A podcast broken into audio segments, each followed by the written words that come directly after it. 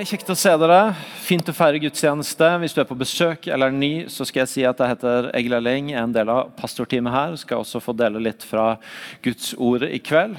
Dette har vært en uh, kjekk dag i kirka. På, I formiddag på G11 for første gang på over halvannet år så hadde vi G11 med samling for alle generasjoner. Barna i ulike grupper og tweensa i sin gruppe og de voksne her inne. Og det har vært har bare lyst til å si så eh, takknemlig til barneteamet vårt i menigheten for måten de har lagd gudstjeneste for hele familien i den tida som ligger bak oss. Noen, gang, noen perioder online, andre ganger her i rommet. Og så er det likevel noe med at det er stor vi er forskjellige i alder og tilrettelegging. Og barn òg. Det er stor forskjell på en toåring og en tolvåring. Og det å la barna få lov til å gå til sine grupper, høre det helt tilpassa der de er, knytte vennskap, og også at vi voksne får gjøre det her inne, det tror jeg er veldig bra for oss igjen. Og fantastisk. Jeg tror det er over 100 barneledere som har meldt seg nå etter at vi på en måte restarter igjen. Så det er utrolig bra.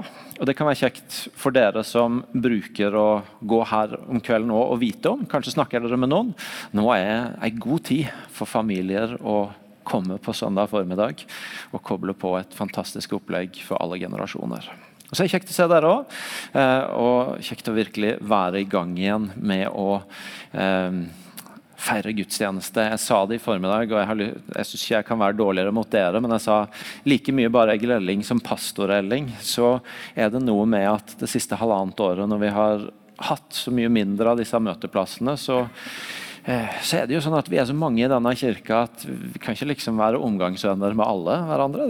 Det, går ikke opp.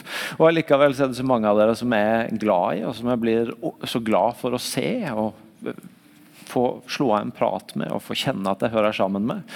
Og så har det vært sånn i den siste halvannet året. Plutselig ser du noen på Ikea eller et eller annet annet sted, og så Å, det er lenge siden jeg har sett de! Og så, um, så, er det bare utrolig godt å få lov til å være sammen med dere igjen og bli oppmuntra av det. Så godt å uh, bruke kvelden med dere. Vi skal uh, se litt i Guds ord. Uh, Geir talte fantastisk flott forrige søndag ut fra en tekst som både jeg og han har gått og brygga på, og det var en viss spenning. Hvem får sjans til å preike over den først? Uh, det skjønner jeg jo at det er en utrolig smal yrkesgruppe som står overfor sånne problemstillinger. Hvem får den bibelteksten først? Jeg vet ikke om det kan overføres til liksom at lærere har sånn Hvem får den klassen? Eller sykepleiere sykepleiere eller leger. Hvem får den pasienten? Jeg vet ikke om det er overførbart. men jeg skjønner i hvert fall at det er veldig smalt. Men ok, sånn er det. Vi er pastorer, og noen ganger blir det sånn.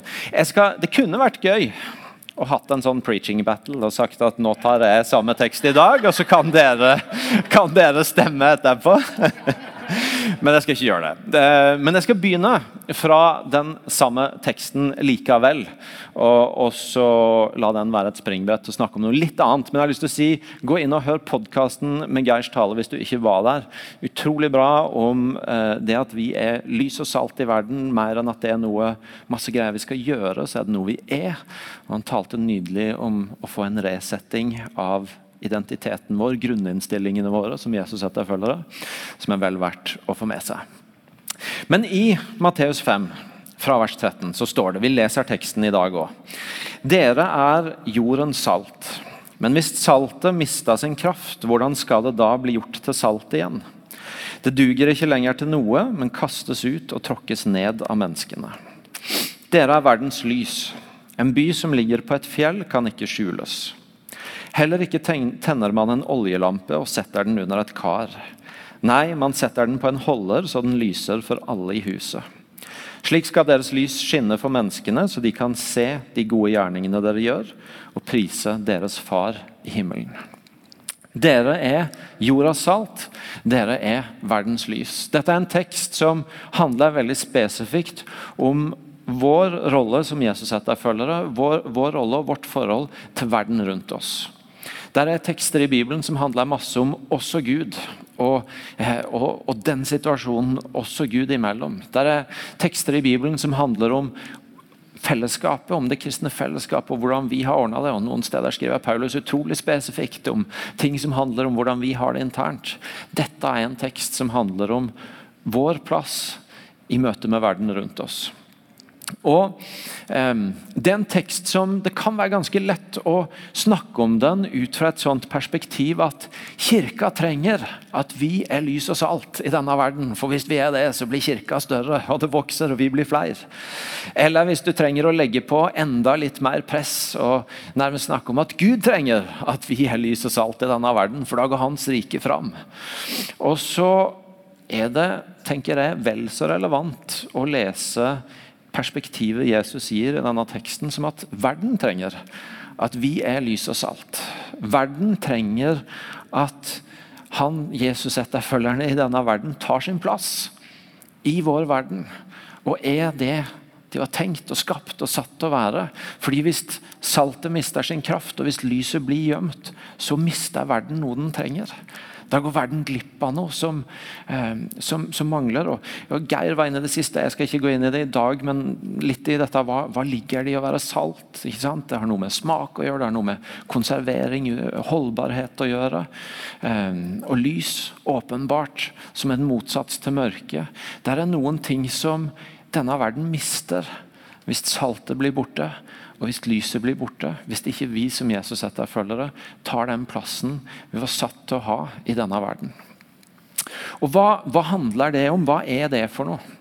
To enkle ord som vi gjerne snakker om det som her i IMI, det er at det handler om frelse og innflytelse.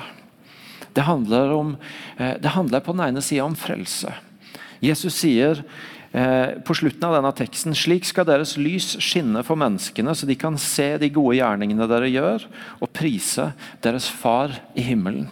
Det handler om at mennesker som ellers ikke fikk en mulighet til å se hvem Gud er, at han er god, at han er en far, at han vil de godt, at de får en mulighet til å se det. Folk som kanskje ikke vokste opp i et kristent hjem, eller hadde en naturlig del i et kristent fellesskap, eller som kanskje hadde det, men valgte det bort og trenger et annet bilde. For for å finne veien tilbake. Folk som ikke uten videre oppsøker ei kirke, men som trenger at det er et lys og salt. Noen mennesker som synliggjør det fins en Gud, han er god, og han vil deg godt. Og som gir en mulighet til å velge det. Gud er suveren, og han kan møte mennesker uten at vi oppsøker dem. Og Der er mange sterke historier på det, om mennesker som ble møtt av Gud uten at noen mennesker fant dem. Og Samtidig så er jeg ganske sikker på at det er flere ungdommer som kommer til tro på Karmøy fordi Linn Margrethe er der. Gud kunne suverent ha møtt hver og en av de 350.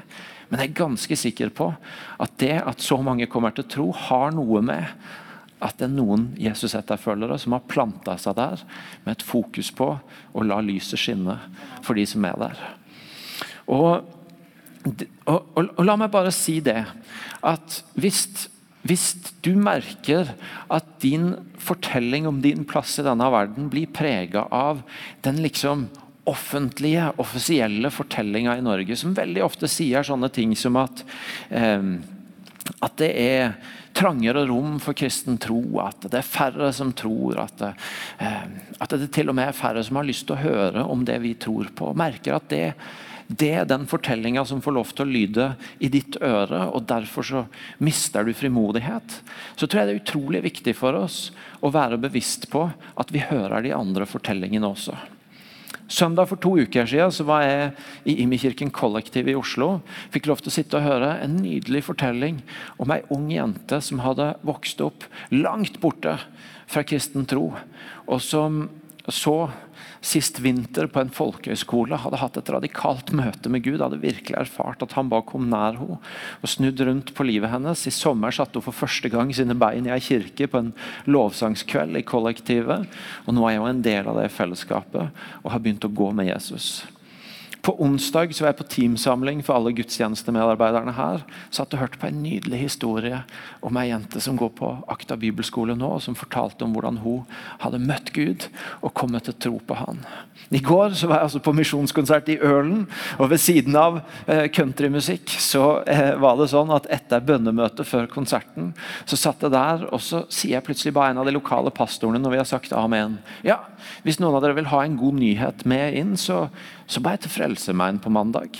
Og så tar jeg en annen ord, og så Ja, jeg har òg nettopp bedt til frelse med noen. Så kommer jeg hit i dag og så møter jeg Linn Margrit, som forteller disse historiene om det som skjer på Karmøy. Og så tenker jeg bare Hvis du hører bare den fortellinga av at folk har ikke så lyst til å høre om troa di Det er kanskje bedre å, å, å gjemme bort lyset litt, for det er ikke sikkert folk har så lyst på det. Så tror jeg det er utrolig viktig at du passer på å lytte til de andre fortellingene òg. Om at folk det er flere som er sultne, det er flere som er åpne, det er flere som er i bevegelse mot Jesus, enn det vi gjerne tror hvis vi bare hører på ei fortelling. Og Jeg har ofte brukt, snakka om at Den hellige ånd i Det nye testamentet blir beskrevet som sånne elementer som vann og ild. Sånne elementer som vi mennesker ikke kan fange, ikke kan holde fast, ikke kan liksom ta kontroll på. Og Ofte så har jeg brukt det bildet til å snakke om oss som kristne og som kirke. At vi har ikke mulighet til å kontrollere Den hellige ånd, til å ramme Han inn i våre rammer. Men det er jo like relevant i møte med verden rundt oss. Det er ikke sånn at Den hellige ånd lar seg binde av at eh, den offisielle fortellinga er at det er trangere rom for tro, og at færre er interessert i Jesus. Den hellige ånd er rundt og jobber i hjerter og med mennesker på de merkeligste steder. Og vi trenger å gi øre til den fortellinga òg, sånn at vi ikke mister frimodighet på at klart det er vits å dele tro. Klart det er viktig å ta sin plass som lys og salt i denne verden. For det er folk som venter på at noen kommer og deler. Men så er det dette andre ordet, da. Innflytelse. Vi tror at vi, også, vi er her ikke bare for å sikre at folk tar imot Jesus og får en evighet med, med han. Men vi tror også at vi i det bildet av at vi er lys og salt i denne verden, så fortelles det noe om at vi bringer noe til verden som er av verdi. At saltet gir en annen smak og en annen holdbarhet til den verden vi lever i. At lyset er med på å fortrenge bort noe av det mørke som fins i den verden vi lever i. At vi rett og slett er med på å bringe noe godt som er med på å gjøre vår verden til et bedre sted. Vi har sagt det om når vi har et godhetsperspektiv her i kirka, at, at vi ønsker å være med på å gjøre denne byen til et, til et godt sted å bo. Og Når vi har engasjert oss for mennesker som er nye i landet vårt, så har vi sagt at vi har lyst til å være med på å gjøre at Stavanger er en god by å komme til. For mennesker som gjerne har vært på flukt, som har forlatt eh, masse av det de har kjært. Og så har vi lyst til å være med på å gjøre dette til et godt sted å lande. Vi tror vi har, en, vi, vi har et ønske om å ha en innflytelse på hvordan det er å bo i, bo i denne byen. Å leve i dette landet og være en del av dette samfunnet. Og Noen kan høre når, når, kristne, når vi snakker om et sånt ord som at vi har lyst til å ha innflytelse på samfunnet, så kan en høre det i et sånt maktperspektiv. Og La meg derfor bare si at det jeg snakker om, og det vi tror på herfra, i hvert fall, det handler ikke om at bare det blir nok kristne som bestemmer rundt omkring i samfunnet. Bare vi får nok lover som, som, er etter våre måter å tenke på, så blir Norge såkalt kristent. Vi tror på at forvandlinga i vår tro den kommer innenfra og ut. Og Vi kan aldri lov hva heter det? Lovlegge, det hørtes lovfeste. Norge til å bli mer eller mindre kristent. Den, den forvandlinga skjer fra hjertet, fra innsida og ut. Men men vi, vi, tror at det handler om å få lov til å likevel være med å være en stemme inn i samfunnet vårt. Og være med å bringe noe inn i samfunnet vårt om hva som er verdifullt, om hva som er et godt liv, om hva som er en god vei for oss å gå. Som vi ikke skal eh, nødvendigvis presse på for å tvinge alle andre som ikke ikke har Jesus til konge å følge, men som vi allikevel kan være med på å prege, på å influere, på å bringe en stemme inn i.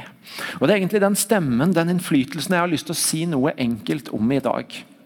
For jeg, jeg vet ikke hvordan du har det. Jeg vet ikke om du syns det er lett å målbære de verdiene du står for, de verdiene du tenker at fra min tro så så, så, er dette noen ting som er viktig for meg, og som jeg, jeg ønsker å bringe inn i samfunnet vårt. Eller om du innimellom kan tenke at det, det syns du er litt vanskelig. Det kvir du deg litt for. du. Det har skjedd ganske mye de siste tiåra fra at mange kristne verdier var litt sånn selvsagt at det representerte et gode, til at det er en god del som mener at det ikke er opplagt at det er et gode. Og Det kan være en fare for at en del av oss blir litt tausere enn det som var tenkt i å bringe inn her er noen gode verdier. Og Det er gått en måned cirka, siden vi hadde valg her i landet vårt. Eh, og Rundt valg så snakker vi mye om å bruke stemmen vår. Om å, ikke minst om å bruke stemmeretten. Det snakker vi om herfra òg. Sier mye om Bruk stemmeretten. Stem på noe som ærer Gud og er til det beste for de neste. Og så, eh, og så eh, i hvert fall min opplevelse at det er også en tid hvor en god del mennesker sier noe om hva de syns er viktig. og jeg synes Rundt valget i år så var det kanskje enda flere enn jeg har sett før, som, som, som brukte ulike kanaler til å si noe om at dette er ting jeg syns er viktig. Og så sa en god del av de også noe om hva de ville stemme på, men for meg så var egentlig ikke det viktigste hvilket parti de pekte på, men det at de faktisk sa her er noen ting jeg syns er viktig. Her er noen ting jeg vil stå for, her er noen ting jeg tror samfunnet vårt trenger. Og så kom partifargen som en konsekvens av det. Og så har jeg bare tenkt etterpå, jeg håper jo ikke at det går to eller fire år til neste gang vi hever stemmen vår litt. da. For det er jo i tida imellom at vi preger hverandre. Det er jo i tida imellom at vi, vi, vi former hverandre og, og, over tid beveger hverandre litt. Det som skjer rundt valget, det blir jo på en måte bare mer en manifestasjon av de, de prosessene som har skjedd imellom. Så jeg håper jo ikke at vi blir stille nå, da. I et par år, eller i verste fall fire år til og så skal vi si noe igjen. Jeg tror at vi trenger å bevisstgjøre oss på at denne verden trenger at vi bruker stemmen vår til å, til å snakke om det vi tror på, om de verdiene vi tror at følger med troa vår, på en, på en, måte som er til velsignelse for samfunnet rundt. Vi hadde verdidebatt her, og Lars Helle, redaktør i Aftenbladet, hans tilbakemelding til oss som kirke var jo Dere må jo ta mer plass. Dere må jo si mer. Det er nesten litt sånn vi sitter jo her og venter på dere. Skal dere, skal dere snart heve stemmen deres? Og Det synes jeg er en spennende utfordring for oss å få. Og så har jeg bare lyst til å presisere at Det, det jeg snakker om i dag, det er egentlig ikke primært å skrive leserinnlegg i en eller annen avis, eller å gjøre sånn som noen av til gjør, å skrive noen sånne lange Facebook-poster. Eh, eller sånne ting. Selv om du må gjerne gjøre det hvis du kjenner at det er det du skal gjøre. Men det jeg primært snakker om, det er egentlig hvordan jeg og du hever stemmen vår rundt lunsjbordet, eller i vennegjengen, eller i familien eller i nabolaget. De arenaene vi har til å målbære noen spørsmål, noen verdier, noen holdninger som, som er med på å gi noe godt til verden rundt oss. Som er med på å synliggjøre at lys og saltet er til stede. Og Da har jeg lyst til å inn i det, bare ta dere med inn i en tekst som jeg har lest i det siste. står i Jeremia 1, fra vers 4 til 10. Det er fortellinga om når Gud kaller Jeremia til profet. For Der står det Herrens ord kom til meg. Før jeg forma deg, i mors liv kjente jeg deg. Før du ble født, helliga jeg deg. Til profet for folkeslagene satte jeg deg. Men jeg sa, Å, min Herre og Gud, se, jeg kan ikke tale, for jeg er ung. Da sa Herren til meg, du skal ikke si jeg er ung. Overalt hvor jeg sender deg, skal du gå, og alt jeg befaler deg, skal du si. Vær ikke redd for de, jeg er med deg, og jeg skal berge deg, sier Herren. Herren rakte ut hånda og rørte ved munnen min. Så sa Herren til meg, nå legger jeg mine ord i din munn. Se, jeg setter deg i dag over folk og riker, til å rykke opp og rive ned, til å ødelegge og knuse, til å bygge og plante. Det er fascinerende når Gud kaller mennesker til å være en stemme, til å bety en forskjell i sin samtid i Bibelen, hvor utrolig mange av de, kanskje nesten alle, som har en sterk opplevelse av at dette er ikke jeg kvalifisert til. Dette er ikke noe jeg kan gjøre. Jeremia sier jeg er for ung. Andre sier jeg er for gammel. Moses sier jeg er ikke god nok til å snakke for meg. Noen sier jeg er ikke verdig. Livet mitt er ikke, er ikke representerbart for den Gud som sender meg. Det er alle slags mulige forklaringer på hvorfor de ikke er de rette for Gud til å sende, de rette for Gud til å bruke som en stemme inn i sin samtid. Og så er det helt påfallende hvor gjennomført det er at Gud ikke begynner å diskutere med dem om at jo da, du er jo bedre enn du tror. Du kan jo mer enn du vet om. Men hvordan Gud ikke egentlig peker tilbake på hvor kompetente eller kvalifiserte de egentlig er, men hvordan han peker på det han vil gjøre med dem, hvordan han vil være med dem, hvordan han tenker på dem. I dette tilfellet med Jeremia så begynner han med å si før jeg forma deg i mors liv, kjente jeg deg. Før du ble født, helliga jeg deg til profet for folkeslagene. satte jeg deg. Gud trekker opp en lang linje for Jeremias liv og sier jeg har hatt en plan for deg helt fra du ble skapt. Jeg ser ikke du i det øyeblikket du er i nå, og i hvilken grad din alder kvalifiserer eller diskvalifiserer deg. Men fra du ble forma i mors liv, så hadde jeg en tanke om hva ditt liv skulle representere. Og det skal få være din frimodighet. At jeg har et langt blikk på hvem jeg har sett at du kan være i denne verden. Og Så går han videre til å si du skal ikke si 'jeg er ung', for overalt hvor jeg sender deg, skal du gå, og alt jeg befaler deg, skal du si. Vær ikke redd for dem, for jeg er med deg, og jeg skal berge deg, sier Herren. Jeremia, du kommer ikke til å gå noe sted uten at jeg er med deg.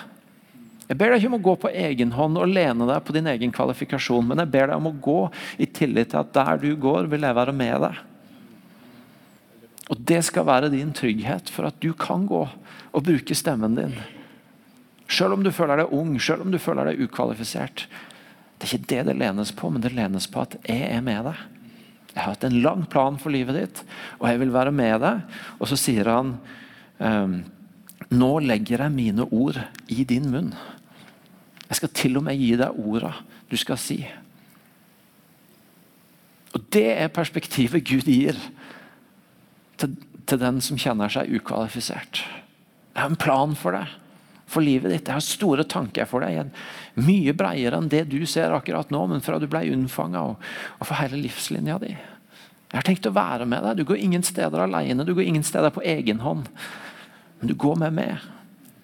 Og jeg vil gi deg ord å tale inn.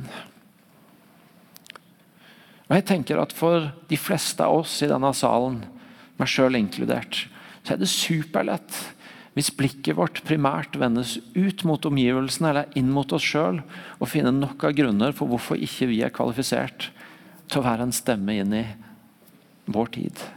Inne, vår, inne på våre arenaer i vår setting. Det kan være mange av de samme forklaringene som her. Jeg er for ung, jeg er for gammel, jeg er ikke god nok til å snakke for meg. Livet mitt henger ikke godt nok sammen til at jeg kan være en representant for, for det der. Um, jeg har ikke gode nok argumenter, jeg er ikke kul nok til at det er ikke meg folk hører på. Jeg er ikke premissleverandøren. Alt mulig rart. Hvis vi skal være i det perspektivet. Men det er ikke det perspektivet Gud inviterer til når han sender sitt folk til å være lys og salt i denne verden, til å være stemmer inn i sin samtid. Men det er jeg har en plan for deg. Jeg vil være med deg. Jeg vil gi deg ord og tale. Og Kanskje kan det være at det er noen av oss her i kveld som med fordel kan våge en større frimodighet på noen av de arenaene vi er på. På målbæret målbære noen av de verdiene vi står for. Noen av de gudsrike perspektivene som ellers ikke blir brakt inn i samtalen. Ikke fordi vi har fått høre noe i kveld som har gjort at vi føler oss så mye mer kvalifisert. Men fordi vi har fått en invitasjon til å stoppe opp for at Gud vil være med deg. Han vil gi deg ord, og han har en plan for deg. Der er denne engelske sayinga God doesn't call the qualified, but he qualifies the called. Gud kaller ikke den som er kvalifisert, men han kvalifiserer den han har kalt. Og Hvis han har satt deg et sted hvis han har satt deg på noen arenaer, sendt deg et sted, så vil han også kvalifisere deg til å være en stemme, til å målbære noe, til å bety noe der hvor han har satt deg.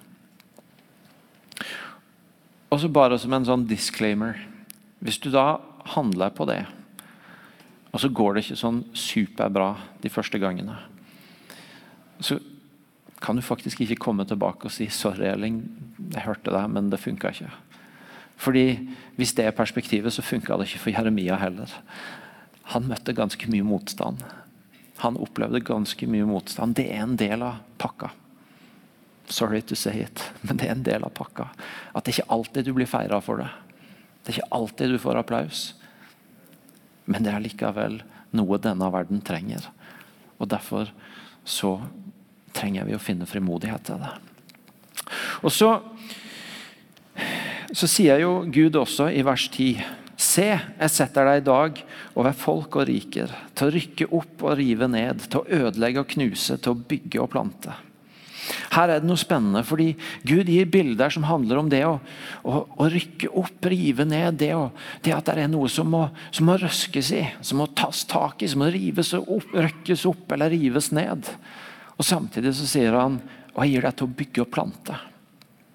Og Som Jesus-etterfølgere i vår tid så lever vi i den spenninga mellom å være kall å være en motstemme til det vi ser i verden rundt oss, og det å evne å peke på en annen vei, en bedre vei.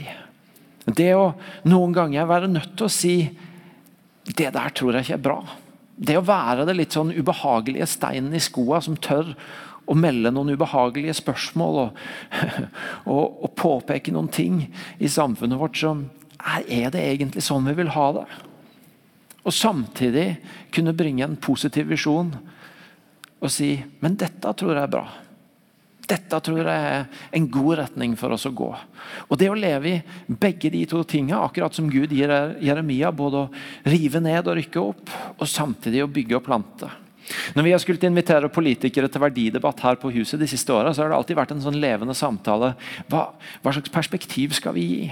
Skal vi bruke anledningen når vi har disse politikerne her, til å, til å ta opp sånne saker som det hadde vært utrolig fint om de stilte seg på vår side og så vårt perspektiv i de sakene. Og enten det nå var å gi oss litt bedre rammevilkår eller, eh, eller litt mer penger, kanskje, eller, eller, et eller annet. Eller passa på trosfriheten vår, eller hva det måtte være. Eller skal vi bruke tida når vi først har de her, til å synliggjøre at vi har lyst til å være med å bygge et godt samfunn. Vi har lyst til å være med å ta tak i noen av utfordringene i samfunnet vårt. Og så er det ingen tvil om at For oss har det vært superviktig å ha en bevegelse fra et sånt perspektiv på hva kan dere gjøre for oss, til hva kan vi gjøre for dere. Hvordan kan vi være med å hjelpe dere til å bygge samfunn? Hvordan kan vi spille på lag med dere? Hvordan kan dere oppdage den kraften vi kan være inne i samfunnet? Hvordan kan vi hjelpe dere å se at det er ikke sikkert dere kan, kan budsjettere og regulere fram alt det som trengs i samfunnet, men dere trenger oss med på laget. Og vi har lyst til å være der. Og jeg tror generelt Det har vært utviklinga for ganske mange av oss kristne de siste åra. At, at, vi har lyst til å ha en positiv versjon på det vi vil inn i samfunnet. og Det tror jeg er rett, og jeg tror det er bra og jeg tror det er viktig. Og Samtidig så tror jeg det er superviktig at vi er bevisste på at som Jesus etterfølger i denne verden, så er det en dobbelthet i å noen ganger måtte være en motstemme. Som tør å stille de ubehagelige spørsmålene, som tør å gå motstrøms. Som tør å si fra om noen ting som kanskje ikke andre sier fra om å holde det sammen med og ha en positiv visjon for samfunnet. Det er viktig at det er noen som tør å spørre ja, hva gjør det med oss hvis vi begynner å tulle med menneskeverd ved starten og slutten av livet. Det er viktig at det er noen som spør ja, hva gjør det med oss som samfunn hvis vi bare lukker øynene for måten vi behandler noen av de som er nye i landet vårt på. Det er behov for at noen spør ja, er vi sikre på at det er bra for barna våre å møte en del av de tinga som handler om kjønn og kjønnsideologi i det lange løp. Og Noen må tørre å være en motstemme på det. Og jeg tror For oss som Jesus-etterfølgere så er vi noen av de som må det. Og Samtidig så vet vi at hvis kirka bare blir en motstemme, og hvis disipler av Jesus bare blir en motstemme, så er veien veldig kort til at det folk hører, det er at kristne og Kirka det er de som er mot alt. Det er de som primært er opptatt av å dømme andre som gjør annerledes. Og Denne verden trenger også å høre at vi har en positiv visjon. Vi har et annet liv å peke på. For Jesus sier 'jeg kom ikke for å dømme verden'. Og Bibelen sier også at det er ikke opp til oss å dømme, men vi skal få ha den friheten det å overlate det til Gud. Så når vi plasserer oss på en sånn måte at det folk hører, er at det er de som er imot alt, som dømmer, som Så er vi på feil retning. Men vi kan ikke gi slipp på at vi har en, har en rolle i å være en motstemme. Og så må vi samtidig som Jesus si Men se, jeg har også en bedre vei. Jesus som sier jeg har en annen vei til dere enn å gjengjelde ondt med ondt. Men det er å gjengjelde ondt med godt. Jeg har en annen vei enn å gå gjemme seg midt på dagen så ingen andre skal se fordi du er skamfull over livet ditt. Og Det er å snakke åpent om det som er livet ditt, sånn at du kan finne frihet. Jesus tar ikke bare et oppgjør med ting, men han viser en annen vei. Han viser en bedre vei. Og vi må gjøre det samme. Og til slutt, hoppe fram til kapittel 7 i Jeremia, så er det en hendelse hvor det er en ung konge bare barnet når han blir konge, som heter Josia, som har, har, gjennomført en sånn reform i Israel, hvor han har gjenreist tempelet, han har tatt tilbake eh, Israels folkets høytider. Han har på en måte gjort etter boka det som Guds folk skulle gjøre. Og så sier, kommer Guds ord til Jeremia inn i det hvor han sier Stol ikke på de falske orda. Herrens tempel, Herrens tempel, Herrens tempel. Men om dere virkelig gjør veiene og gjerningene deres gode, om dere gjør rett mot hverandre, ikke undertrykker innflyttere, farløse og enker, ikke utøser uskyldig blod på dette stedet og ikke følger andre guder til skade for dere sjøl, da vil jeg la dere bo på dette stedet, i det landet jeg ga deres fedre, fra evig tid til evig tid. Masse vi kunne si om det, men sånn kort oppsummert. Det Gud sier via Jeremia, det er dere, dere sier alle de rette tinga. Men det funker ikke, for det har ikke skjedd en endring i livet deres. Dere møter opp i tempelet og sier de rette bønnene, men dere har ikke begynt å ta vare på enker og farløse og innflyttere. Og da er ikke orda deres så mye verdt. Og Det er en av mine største frykt vi, hvis vi begynner å handle på det. At kanskje trenger vi å heve stemmen vår litt mer. Kanskje trenger vi å ta en tydeligere plass og synliggjøre noe av de verdiene vi tror er gode. Min store frykt er at vi som kirke bare blir én av mange stemmer som mener et eller annet. Ja, De mener det, og så mener vi som kirke og kristne det. Det som skulle gjøre oss annerledes, det er at det er et forhold mellom ord og liv. At det er, et, det er ikke bare meninger, men det er handlinger bak det som, eh, som som er med på å vise hvor veien går. Jeg snakker ikke så mye nå om moral som jeg snakker om å være med på å synliggjøre veien, synliggjøre løsningene. Jeg synes Det var nydelig for noen år tilbake når det dukka opp et arbeid inne på Jørpeland som vi også har hatt der inne og heia på og presentert, som het 'I mammas mage'. Som ikke bare mente noe i abortsaken, men som faktisk gjorde noe helt konkret for å hjelpe unge jenter til å bære fram barnet sitt. Ikke bare en mening, men et liv og en handling som backer opp det en sier noe om. Og Det kunne en synliggjøre i så mange ting. Og jeg tenker at Samtidig som jeg tar til orde for å tørre å si litt mer, for å tørre å stå for noe, så tror jeg samtidig at vi skal ha med oss at det er noen ganger det er lurt for oss tror jeg, å vente med å si noe. Og heller si at dette her skal vi kanskje ikke si noe om før vi har liv på det. Før vi har kan ta med oss noe som peker på den visjonen vi vil peke mot, også i handling og i, i, i noe som har materialisert seg. Så enkelt sagt Jeg har lyst til å utfordre oss i kveld på å stå for noe. På å bruke stemmen vår, på å tørre å tro at Gud plasserer oss på ulike arenaer for å, for å bringe inn et blikk, noen verdier, noen, noen vinkler som denne verden trenger. Hvis denne verden mister lyset og saltet sin innflytelse, så, så mister den noe. Så mangler den noe, så taper den noe. Og Derfor så trengs vår stemme. Men la oss gjøre det på en god måte. La oss gjøre det i en forståelse av at det er en sammenheng mellom å være motstemme og peke på den gode veien. La oss gjøre det i en sammenheng mellom ord og handling. Og La oss for all del huske at hvis vi skal bare tenke individualisert om det jeg har snakka om nå, så blir det nok for stort for hver ene av oss. Men la oss tenke at vi er et fellesskap i det.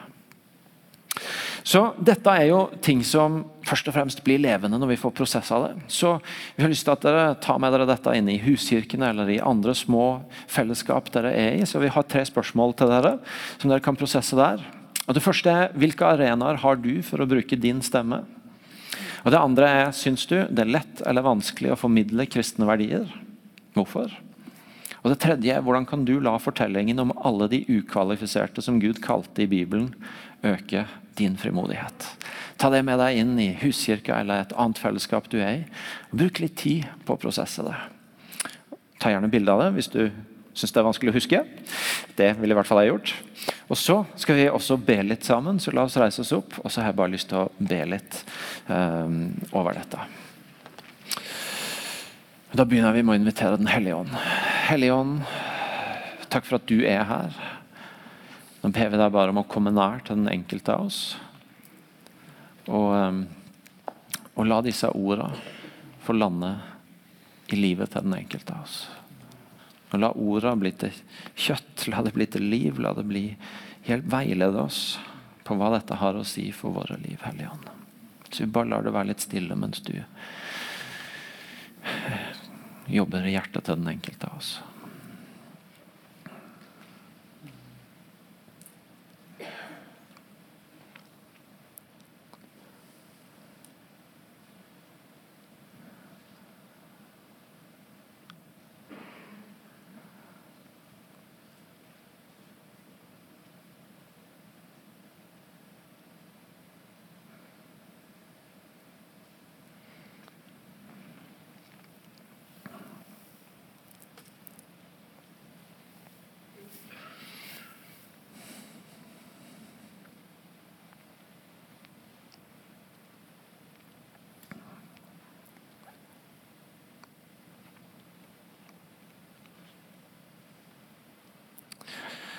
Og Hvis du mens vi snakker om dette, eller mens vi nå er litt stille og Den hellige ånd virker, kjenner at ja, jeg har en arena eller flere hvor jeg tror Gud inviterer meg til å ta en tydeligere stemme. Kan ikke du bare gi ei hand i været, og så har jeg lyst til å be for deg om at du skal få både frimodighet og få kjenne at eh, han går med deg. At det ikke går på dine kvalifikasjoner, men på hans plan for deg, og at han vil være med deg. At han gir deg ord. Nydelig. Jesus, takk for at du kaller oss til etterfølgelse. Takk for brødre og søstre som gir hendene i været nå og synliggjør at de kjenner på at du inviterer til en tydeligere stemme, til en større frimodighet. Jeg ber deg om at det vi er sammen om nå, ikke skal bli til noe som helst slags form for fordømmelse eller dårlig samvittighet, men at det nettopp skal få være en invitasjon til å erfare at du kvalifiserer oss. Du har en plan for oss. Du vil gå med oss, du vil gi ord til oss. Så la det lande i den enkelte, alle de som nå har kjent på at dette har noe med mitt liv å gjøre.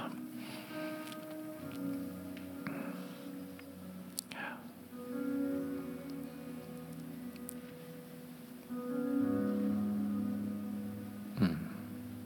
Bare fortsett å virke i hjertene deres. og Fortsett å bygge en frimodighet og en trygghet på at du vil være med.